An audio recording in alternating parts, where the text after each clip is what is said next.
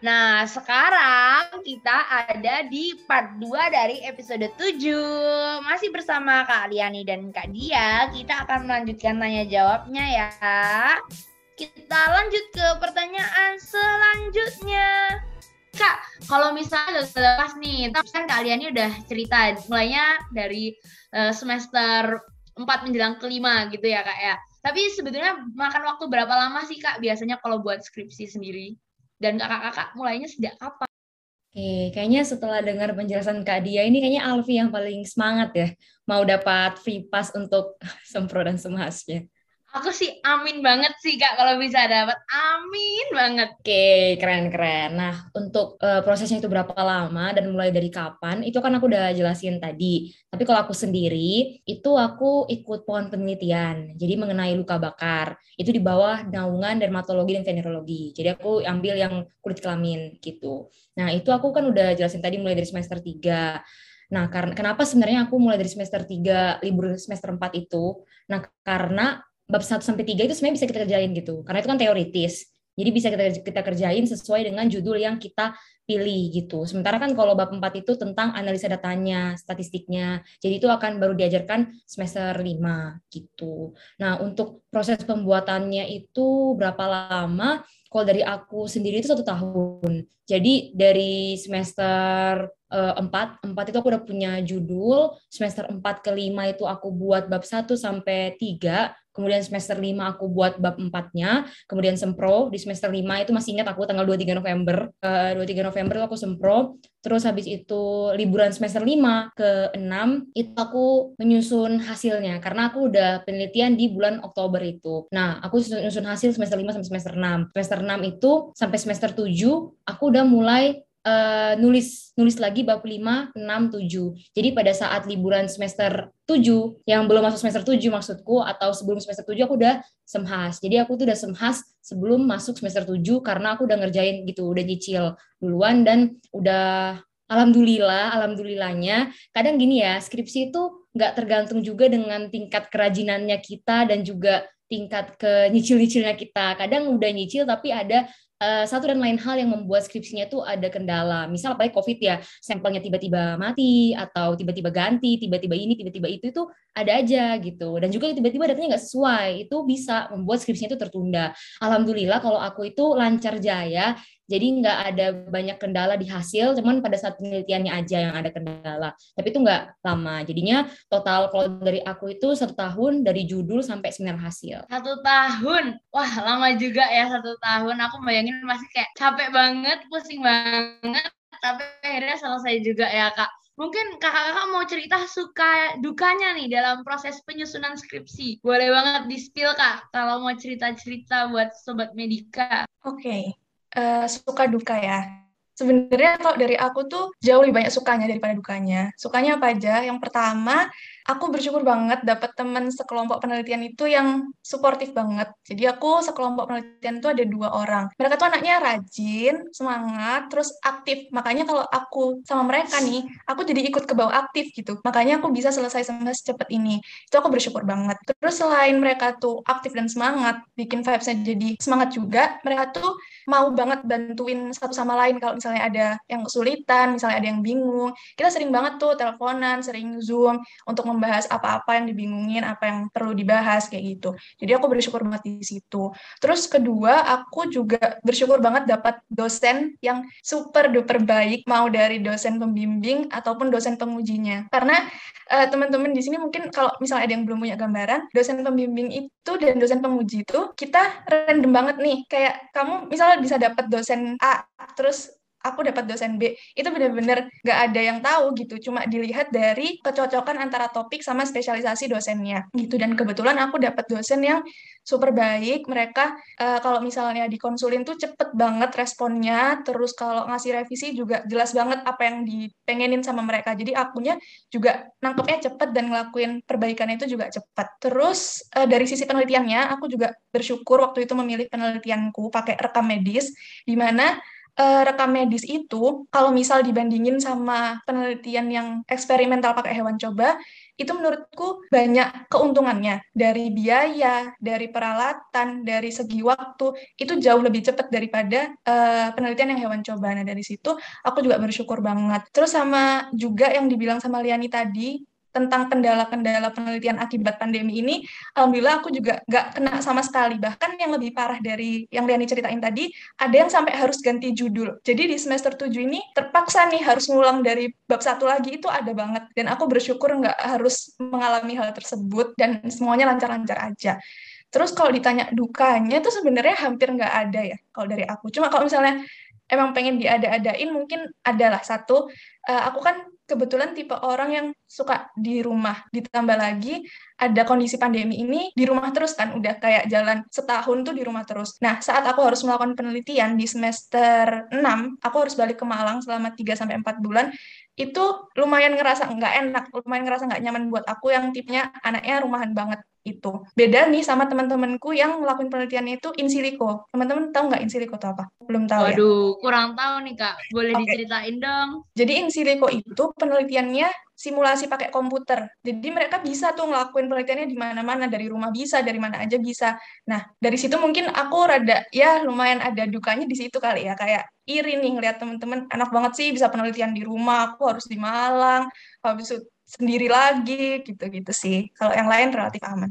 Wah, Sobat Medika, itu tadi cerita dari Kak Dia, gimana sih suka-suka, suka-suka, dan sedikit dukanya. Dan tadi juga udah disinggung ya soal dosen pembimbingnya Kak Dia yang baik hati, tapi sebenarnya kelancaran mengerjakan skripsi dengan dosen pembimbing yang kita dapat tuh seberpengaruh apa sih Kak? Boleh dong diceritain. Oke, okay, aku jawab ya. Tentang dosen pembimbing. Mungkin banyak yang uh, denger ya, eh kakak ini dapat dosen ini nih, kakak ini dapat dosen ini nih, enak apa enggak nih ya.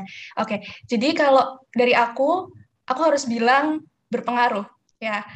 Kenapa kok aku bilang berpengaruh? Karena aku lihat dari beberapa sisi. Yang pertama dari sisi karakternya. Jadi masing-masing dosen itu kan punya karakter yang berbeda-beda. Begitupun juga mahasiswa kita juga pasti karakternya beda-beda. Nah, itu harus cocok-cocokan nih. Kira-kira kita cocoknya sama dosen dengan karakter seperti apa? Misal, aku aku tuh relatif pendiam orangnya. Mungkin penonton ini kadang nggak percaya karena sekarang aku lagi banyak ngomong. Cuma sebenarnya aku relatif pendiam. Jadi aku lebih cocok sama dosen yang tipenya itu kalem.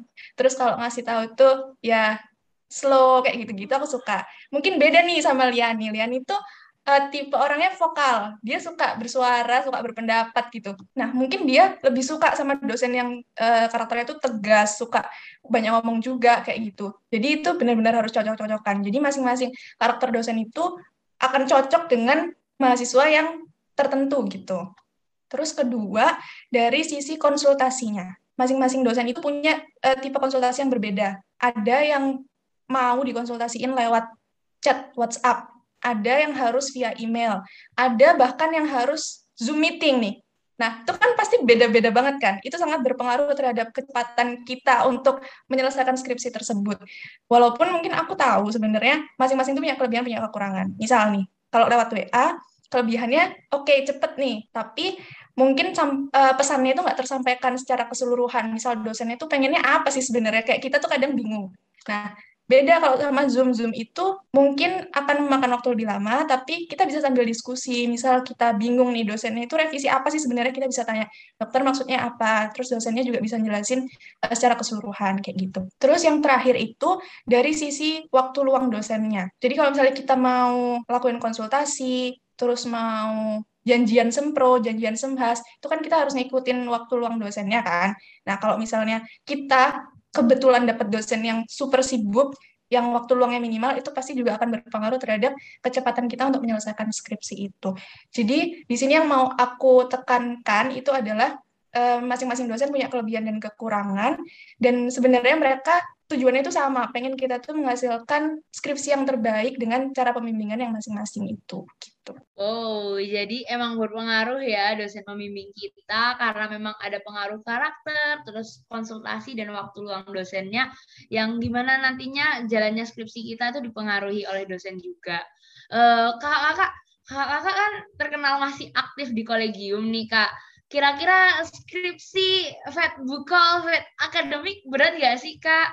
Oke, aku jawab ya. Sebelumnya aku mau nambahin dikit dari yang dia jelasin tadi tentang dosen pembimbing. Kebetulan FYI juga dosen pembimbingku itu sama kayak dia. Aku dosen pembimbing dua aku sama kayak dosen pembimbing satunya dia gitu. Nah, dan itu menurutku memang sangat berpengaruh sih. Dan juga kalau ada beberapa temenku, ini cerita ya, biar kita nggak tengah-tengah banget.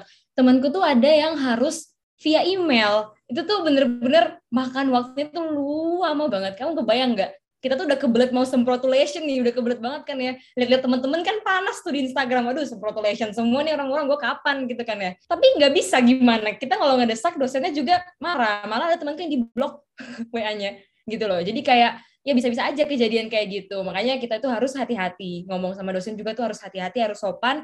Dan makanya aku sangat highly recommended untuk kalian itu ngerjainnya tuh jangan mepet biar kalian itu punya waktu untuk ngedesak gitu loh. Karena kan kalau udah mepet kalian udah kebelet semprotulation gimana kalian ngedesak dosennya kan malah jadi nggak enak gitu. Nah, jadi harus cari tahu informasi selengkapnya tentang topik yang kalian pilih, dosennya siapa, kira-kira gimana gitu. Dari kating-kating, makanya e, kalau bisa punya channel, punya koneksi ke kating-kating, biar informasi-informasi yang kayak begitu itu bisa dapat gitu. Nah, terus habis itu skripsi fit book call, fit akademik mampus gak ya? Oke, kalau aku pribadi saat itu, saat semester 5 aku bisa bilang mampus sih kalau semester 5 itu karena saat itu aku sedang jadi kabit, ketua bidang PAK. Nah, otomatis aku akan menghandle semua proker-proker dari anak-anakku yang staff-staffku dan beberapa proker itu cukup, cukup besar. Salah satunya itu salah satunya itu adalah AMCD. Pasti tahu ya kalau AMCD. Nah, itu kan belum simulnya. Oh ya, by the way dia juga sekbid PAK. Jadi aku sama dia aku kabit, dia sekbid gitu. Jadi ya kesibukannya rata-rata sama gitu. Nah, selain aku jadi kabit PAK, di situ juga aku uh, akademik semester 5 itu lagi padat-padatnya. Jadi kita tuh baru ketemu neuro, ketemu mata, ketemu THT, psikiatri. Itu benar-benar disikat dari jam 7 pagi sampai jam 5 sore. Itu benar-benar kebayang ya. Uh, susahnya itu gimana gitu. Nah, dan juga itu nggak akan ada waktu buat nyicil UTS. Itu nggak mungkin, nggak sempet kalian nyicil UTS karena benar-benar padat dan UTS itu nggak ada waktu free untuk nyiapinnya. Nah, gilanya lagi nih, penelitianku, kan aku eksper aku ya, aku eksperimental. Kalau dia kan tadi rekam medis, kalau aku tuh eksperimental pakai tikus di lab biomed, jadi aku harus ke Malang. Nah, bedanya kalau aku tuh seneng ke Malang, beda sama dia. Aku seneng soalnya aku bakal explore, aku bakal tahu banyak tentang tikusnya, aku bakal tahu kalau di lab biomed itu ngapain. Jadi aku lebih suka dibandingkan aku harus buka data rekam medis. Nah, itu aku aku memang beda banget gitu. Kalau dia kan anaknya sekre gitu. Kalau aku lebih suka yang terjun langsung gitu. Nah, selanjutnya aku itu penelitiannya pas tanggal 15 sampai 22 Oktober. UTS itu 15 sampai 22 Oktober sama.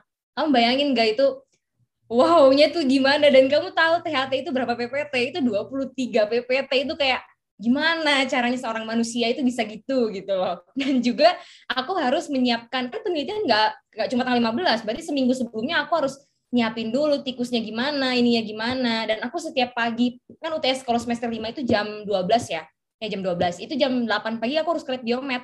Jadi ya udah nggak ada kesempatan untuk aku mereview kembali itu materi gitu loh. Jadi aku sangat-sangat mampu sih saat itu. Skripsi bukol, akademik juga jalan. Dan aku saat itu ini lagi banyak lomba juga bareng dia sama uh, lagi ada ini oh ya aku sama dia ini rata-rata kesibukannya sama jadi kita itu lomba bareng dan juga dia punya bisnisnya sendiri aku juga punya bisnisku sendiri nah itu dari semester lima udah dijalanin jadi ya agak chaos sih tapi ya apa ya sebenarnya prinsipku sama dia nih nggak usah dipikir dijalanin aja kalau dipikir itu nggak bakal selesai jadi satu persatu gitu, selesai satu, baru mikir yang satu. Kalau kayak gitu tuh kalian bakal survive di FK. Karena pasti selesai-selesai sendirinya gitu.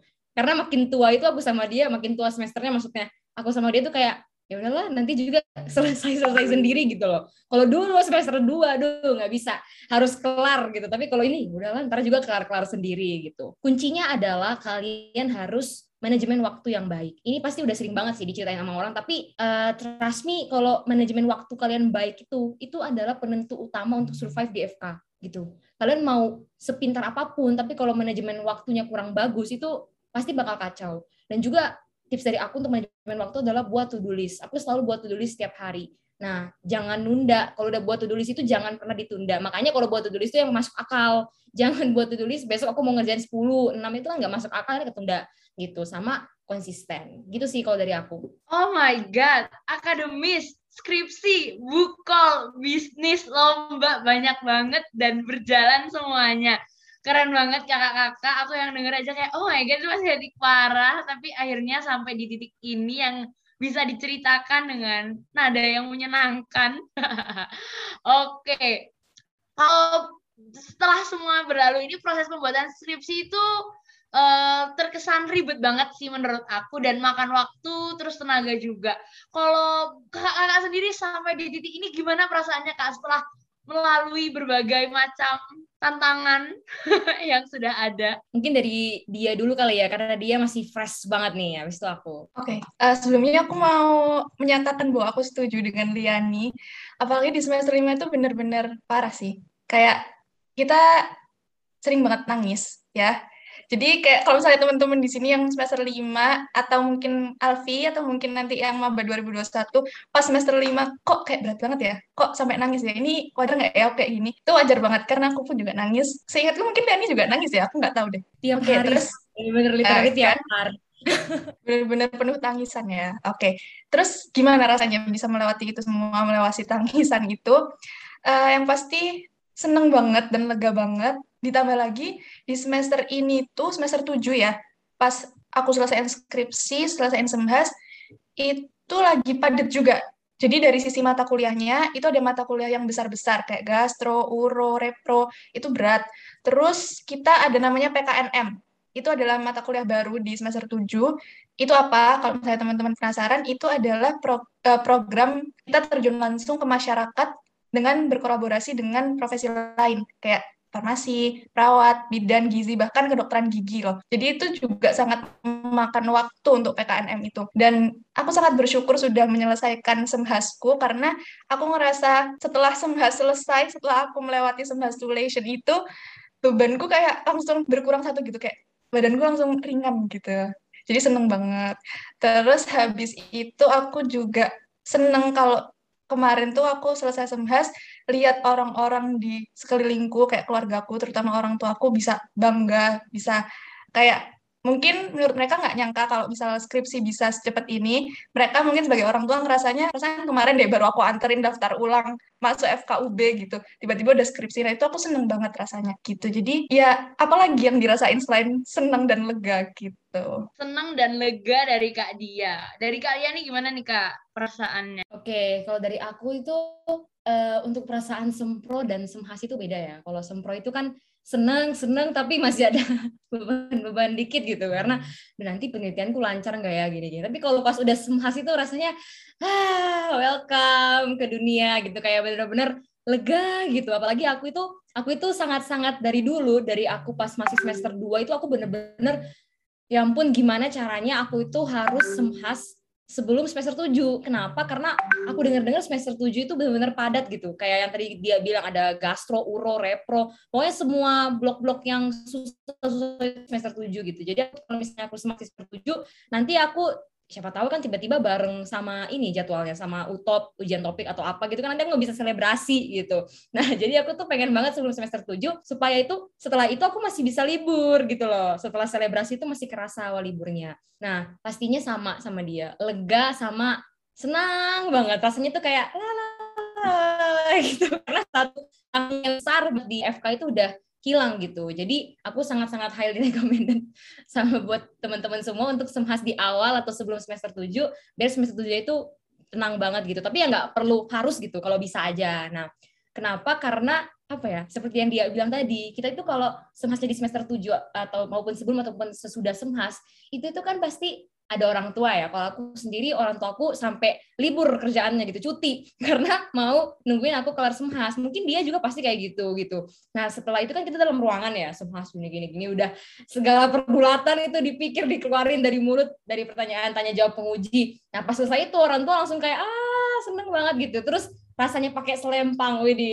esket gitu kan kayak wah itu kayak merinding sih. Itu aku sampai tear kayak nangis gitu kayak ah akhirnya aku kelar gitu. Kelar dengan segala duniawi ini kayak yang bener-bener ah tiap kali aku denger itu kayak ah, ah menghela napas gitu stres rasanya mengerjakan skripsi kalau misalnya kayak gitu. Kalau aku tuh kayak gitu. Lebih lega senang sama. Pokoknya tuh selebrasi sih aku dari pagi sampai malam tuh aku bener-bener selebrasi nggak berhenti berhenti aku dari pagi siang sore malam. Pokoknya aku nggak nggak nonstop gitu. Pokoknya aku kalau bisa aku seharian itu aku akan uh, selebrasi sih. Dan pastinya aku sama dia akan buat TikTok ya. TikTok transisi TikTok transisi dari capek-capek terus kayak ting gitu yang yang tiba-tiba udah pakai esket gitu. Nah, itu seneng banget sih walaupun masih ada revisi karena semua pasti ada revisi. Cuman revisi itu kalau dari aku alhamdulillah minor dari dia juga minor. Jadi nggak yang kayak mendesak banget tiba-tiba salah total gitu yang buat aku itu harus kayak ganti. Kalau dari aku sendiri revisiku itu ini disuruh kurangin karena terlalu banyak yang aku bahas gitu. Itu aja sih kalau dari aku. Kalau dari dia juga paling yang kecil-kecil aja gitu. Alhamdulillah sih kita berdua ini termasuk mahasiswa yang sangat diberkati sangat-sangat ya apa ya lancar gitu perjalanannya. Nggak begitu banyak halangan dan ribet-ribetnya. Gitu sih. Pokoknya mantep perasaan esket itu. Oh my god aku bayanginnya kayak ah! bukan aku yang ngerasain tapi aku turut merasakan sensasi dan kebahagiaannya ya. Padahal cuma denger ceritanya nih. Hah, keren banget ya kakak-kakak aku sampai kayak bingung mau bereaksi awal saking kerennya kakak-kakak revisinya revisinya suruh ngurangin. Oh my god revisi bukannya suruh nambah tapi suruh ngurangin.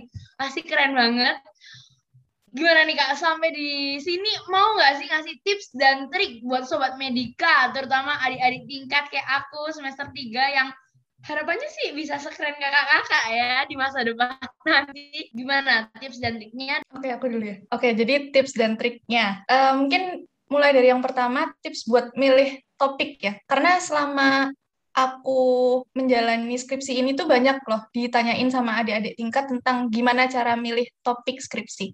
Nah, kalau tips dari aku tuh eh, sebisa mungkin kalian pilih topik yang emang kalian suka ya. Walaupun ya, walaupun pada faktanya itu banyak dari teman-temanku, mungkin dari kakak tingkat juga, itu tuh eh, ngambil topik yang ya udah seadanya. Yang penting aku bisa penelitian, yang penting aku bisa sempur, yang penting aku bisa sembahas. Itu banyak. Sebenarnya nggak apa-apa. Kalian dengan topik kayak gitu tuh bakal selesai-selesai aja, bakal sempro aja, bakal sembahas aja. Cuma uh, aku yakin pasti di dalam perjalanan kalian penyusunan skripsinya itu bakal beda rasanya kalau misalnya kalian emang suka sama topik yang kalian bahas itu. Terus uh, jenis penelitiannya ini juga penting kalau bagi aku ya. Jadi penelitian itu yang mungkin tadi udah sempat disinggung, ada yang eksperimental, ada observasional dan lain-lain. Kalau eksperimental itu pakai hewan coba kayak Liani tadi ya.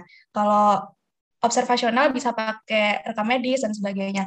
Nah, itu kalian harus perhatiin kalian tuh orangnya kayak gimana, kalian sukanya apa. Kalau misalnya kalian suka data, ya berarti kalian ambil aja rekam medis. Kalau misalnya kalian takut sama hewan, mungkin itu jadi salah satu alasan juga kenapa aku memilih rekam medis ini, karena aku takut sama hewan, terutama tikus itu, dan aku udah kebayang tuh dari awal aku masuk, aduh aku nanti skripsi harus harus beda-beda hewan, terus tikus gitu kayak aku udah jijik duluan. Nah makanya aku nggak mau ambil itu gitu. Jadi itu harus kalian perhatiin banget supaya kalian nanti lancar depannya. Itu karena uh, semua penelitian itu bagus semua penelitian itu nggak apa-apa. Kalian boleh pilih mana aja sesuai yang kalian mau sesuai yang kalian minati gitu. Terus uh, dalam penyusunan skripsinya tips dari aku sebenarnya cuma satu tadi udah sempat disebut sama Dani juga, dan ini adalah hal yang paling penting adalah kalian harus mencicil. Mencicil itu sangat penting, jangan sampai kalian itu uh, santai-santai, kayak memang sih kalau misalnya di awal tuh kayak kayak masih jauh gitu. Misal aku dulu mulainya semester 3 akhir, itu kan ke semester 5, ke semester 7 tuh kayak ya Allah masih lama banget, masih satu tahun lagi, masih dua tahun lagi. Tapi itu nggak kerasa kalau misalnya kalian e, menghabiskan waktu untuk santai-santai, untuk leha-leha, sedangkan di saat yang sama tuh kalian nggak tahu teman kalian tuh udah ngapain aja nih. Kan banyak tuh yang kayak gitu. Nah, itu kalian harus hati-hati. Kalian harus mencicil lebih awal ya gitu. Udah itu aja dari aku.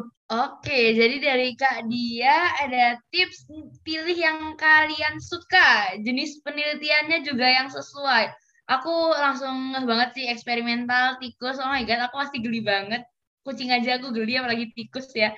Terus jangan lupa mencicil teman-teman. Itu dari Kak Dia. Kalau kalian ini mau nambahin nggak tips-tipsnya Kak? Oke, aku mau nambahin ya. Sebenarnya kalau tikus itu gini, kalian tuh nggak langsung megang tikus kok. Itu akan ada dibantu sama laboratnya. Cuman ya buat ngasih obatnya ya kalian sendiri gitu. Tetap tetap kayak gitu. Nah, dan juga ini sih kalau menurutku itu semua itu udah di pilihan kalian sendiri semua itu di tangan kalian sendiri gitu. Itu kan termasuk kontrol kalian. Kalian mau jadi mahasiswa yang seperti apa? Mau jadi mahasiswa yang biasa-biasa aja? Mau jadi mahasiswa yang banyak ininya, banyak itunya, mau jadi mahasiswa yang balance life dan segala macam itu adalah pilihan kalian sendiri gitu. Kenapa? Karena itu nanti manfaatnya buat kalian sendiri. Sebenarnya ya, aku itu kadang juga suka mikir gitu. Duh, kenapa ya aku kayak buru-buru banget gitu? Kenapa aku mau cepat selesai? Kenapa aku mau semas cepat-cepat? Kenapa aku udah mulai nyicil gitu? Padahal ya nanti aja pasti kelar-kelar juga gitu. Nah, sebenarnya ya menurutku leha-leha itu sebenarnya hanya menunda kesibukan gitu. Sebenarnya itu emang kamu leha-leha selesai kerjanya kan enggak kamu leha-leha terketumpuk di akhir kamu bayangin ya kamu harus belajar gastro uro repro dengan ketumpukan skripsimu itu gimana rasanya? Ini aku bicara kalau in case memang problemnya dari diri sendiri ya bukan dari ada masalah eksternal yang nggak bisa kalian kontrol gitu. Nah jadi itu sebenarnya kalian pilihan kalian sendiri mau jadi mahasiswa yang seperti apa. Karena menurutku dengan aku ini kan kita uh, untuk ini ya cita-cita aja ya motivasi dan lain-lain. Dengan jadi mahasiswa yang aktif dan juga aku ikut lomba segala macam pokoknya apa pun yang aku bisa lakukan selama aku preklinik itu aku nggak mau sia-siakan. Dia dia pun kayak gitu. Nah kenapa? Karena menurutku itu adalah salah satu bentuk investasi. Investasi ke diriku sendiri gitu. Menurutku itu salah satu bentuk self love jadi kayak self love itu nggak hanya menerima ya wes aku gini aja orangnya aku memang begini orangnya gitu. Itu menurutku pengertian yang salah dari self love. Self love itu adalah di mana kalian itu mau menjadi the best version of yourself.